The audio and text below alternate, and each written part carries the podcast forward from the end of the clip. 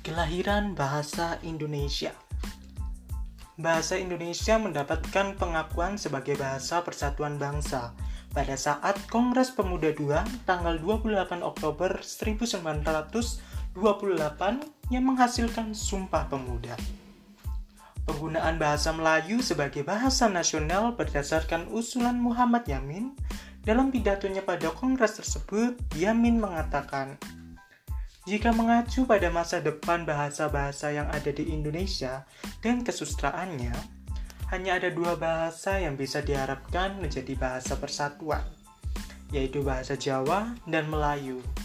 Akan tetapi dari dua bahasa itu, bahasa Melayulah yang lambat laun akan menjadi bahasa pergaulan atau bahasa persatuan.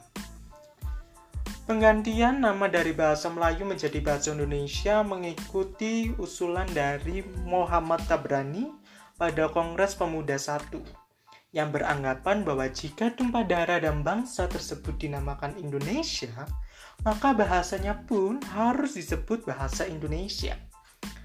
Kata bahasa Indonesia sendiri telah muncul dalam tulisan-tulisan Tabrani sebelum Sumpah Pemuda diselenggarakan. Kata bahasa Indonesia pertama kali muncul dalam harian India Bare pada tanggal 10 Januari 1926. Pada 11 Februari 1926 di koran yang sama, tulisan Tabrani muncul dengan judul Bahasa Indonesia yang membahas tentang pentingnya nama bahasa Indonesia dalam konteks perjuangan bangsa. Tabrani menutup tulisan tersebut dengan bangsa dan pembaca kita sekalian, bangsa Indonesia belum ada. Terbitkanlah bangsa Indonesia itu. Bahasa Indonesia belum ada. Terbitkanlah bahasa Indonesia itu.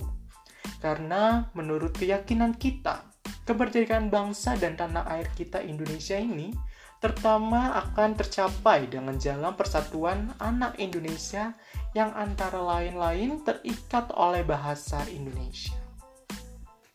Selanjutnya, perkembangan bahasa dan kesustraan Indonesia banyak dipengaruhi oleh sastrawan Minangkabau seperti Marah Rusli, Abdul Muiz, Nur Sultan Iskandar, Sultan Takdir Al-Syabana, Hamka, Rostam Effendi, Idrus, dan Ceril Anwar.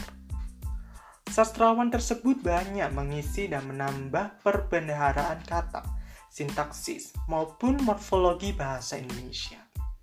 Pada tahun 1933 berdiri sebuah angkatan sastrawan muda yang menamakan dirinya sebagai Pujangga Baru yang dipimpin oleh Sultan Takdir Alis Syabana. Pada tahun 1936, Sultan Takdir Alis Syabana menyusun tata bahasa baru bahasa Indonesia. Pada tanggal 25 hingga 28 Juni 1938 dilangsungkan Kongres Bahasa Indonesia I di Solo.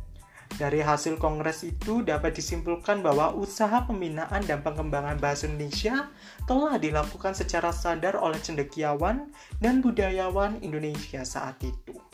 Kongres Bahasa Indonesia kemudian rutin digelar lima tahunan untuk membahas perkembangan bahasa Indonesia. Begitulah kelahiran bahasa Indonesia. Terima kasih.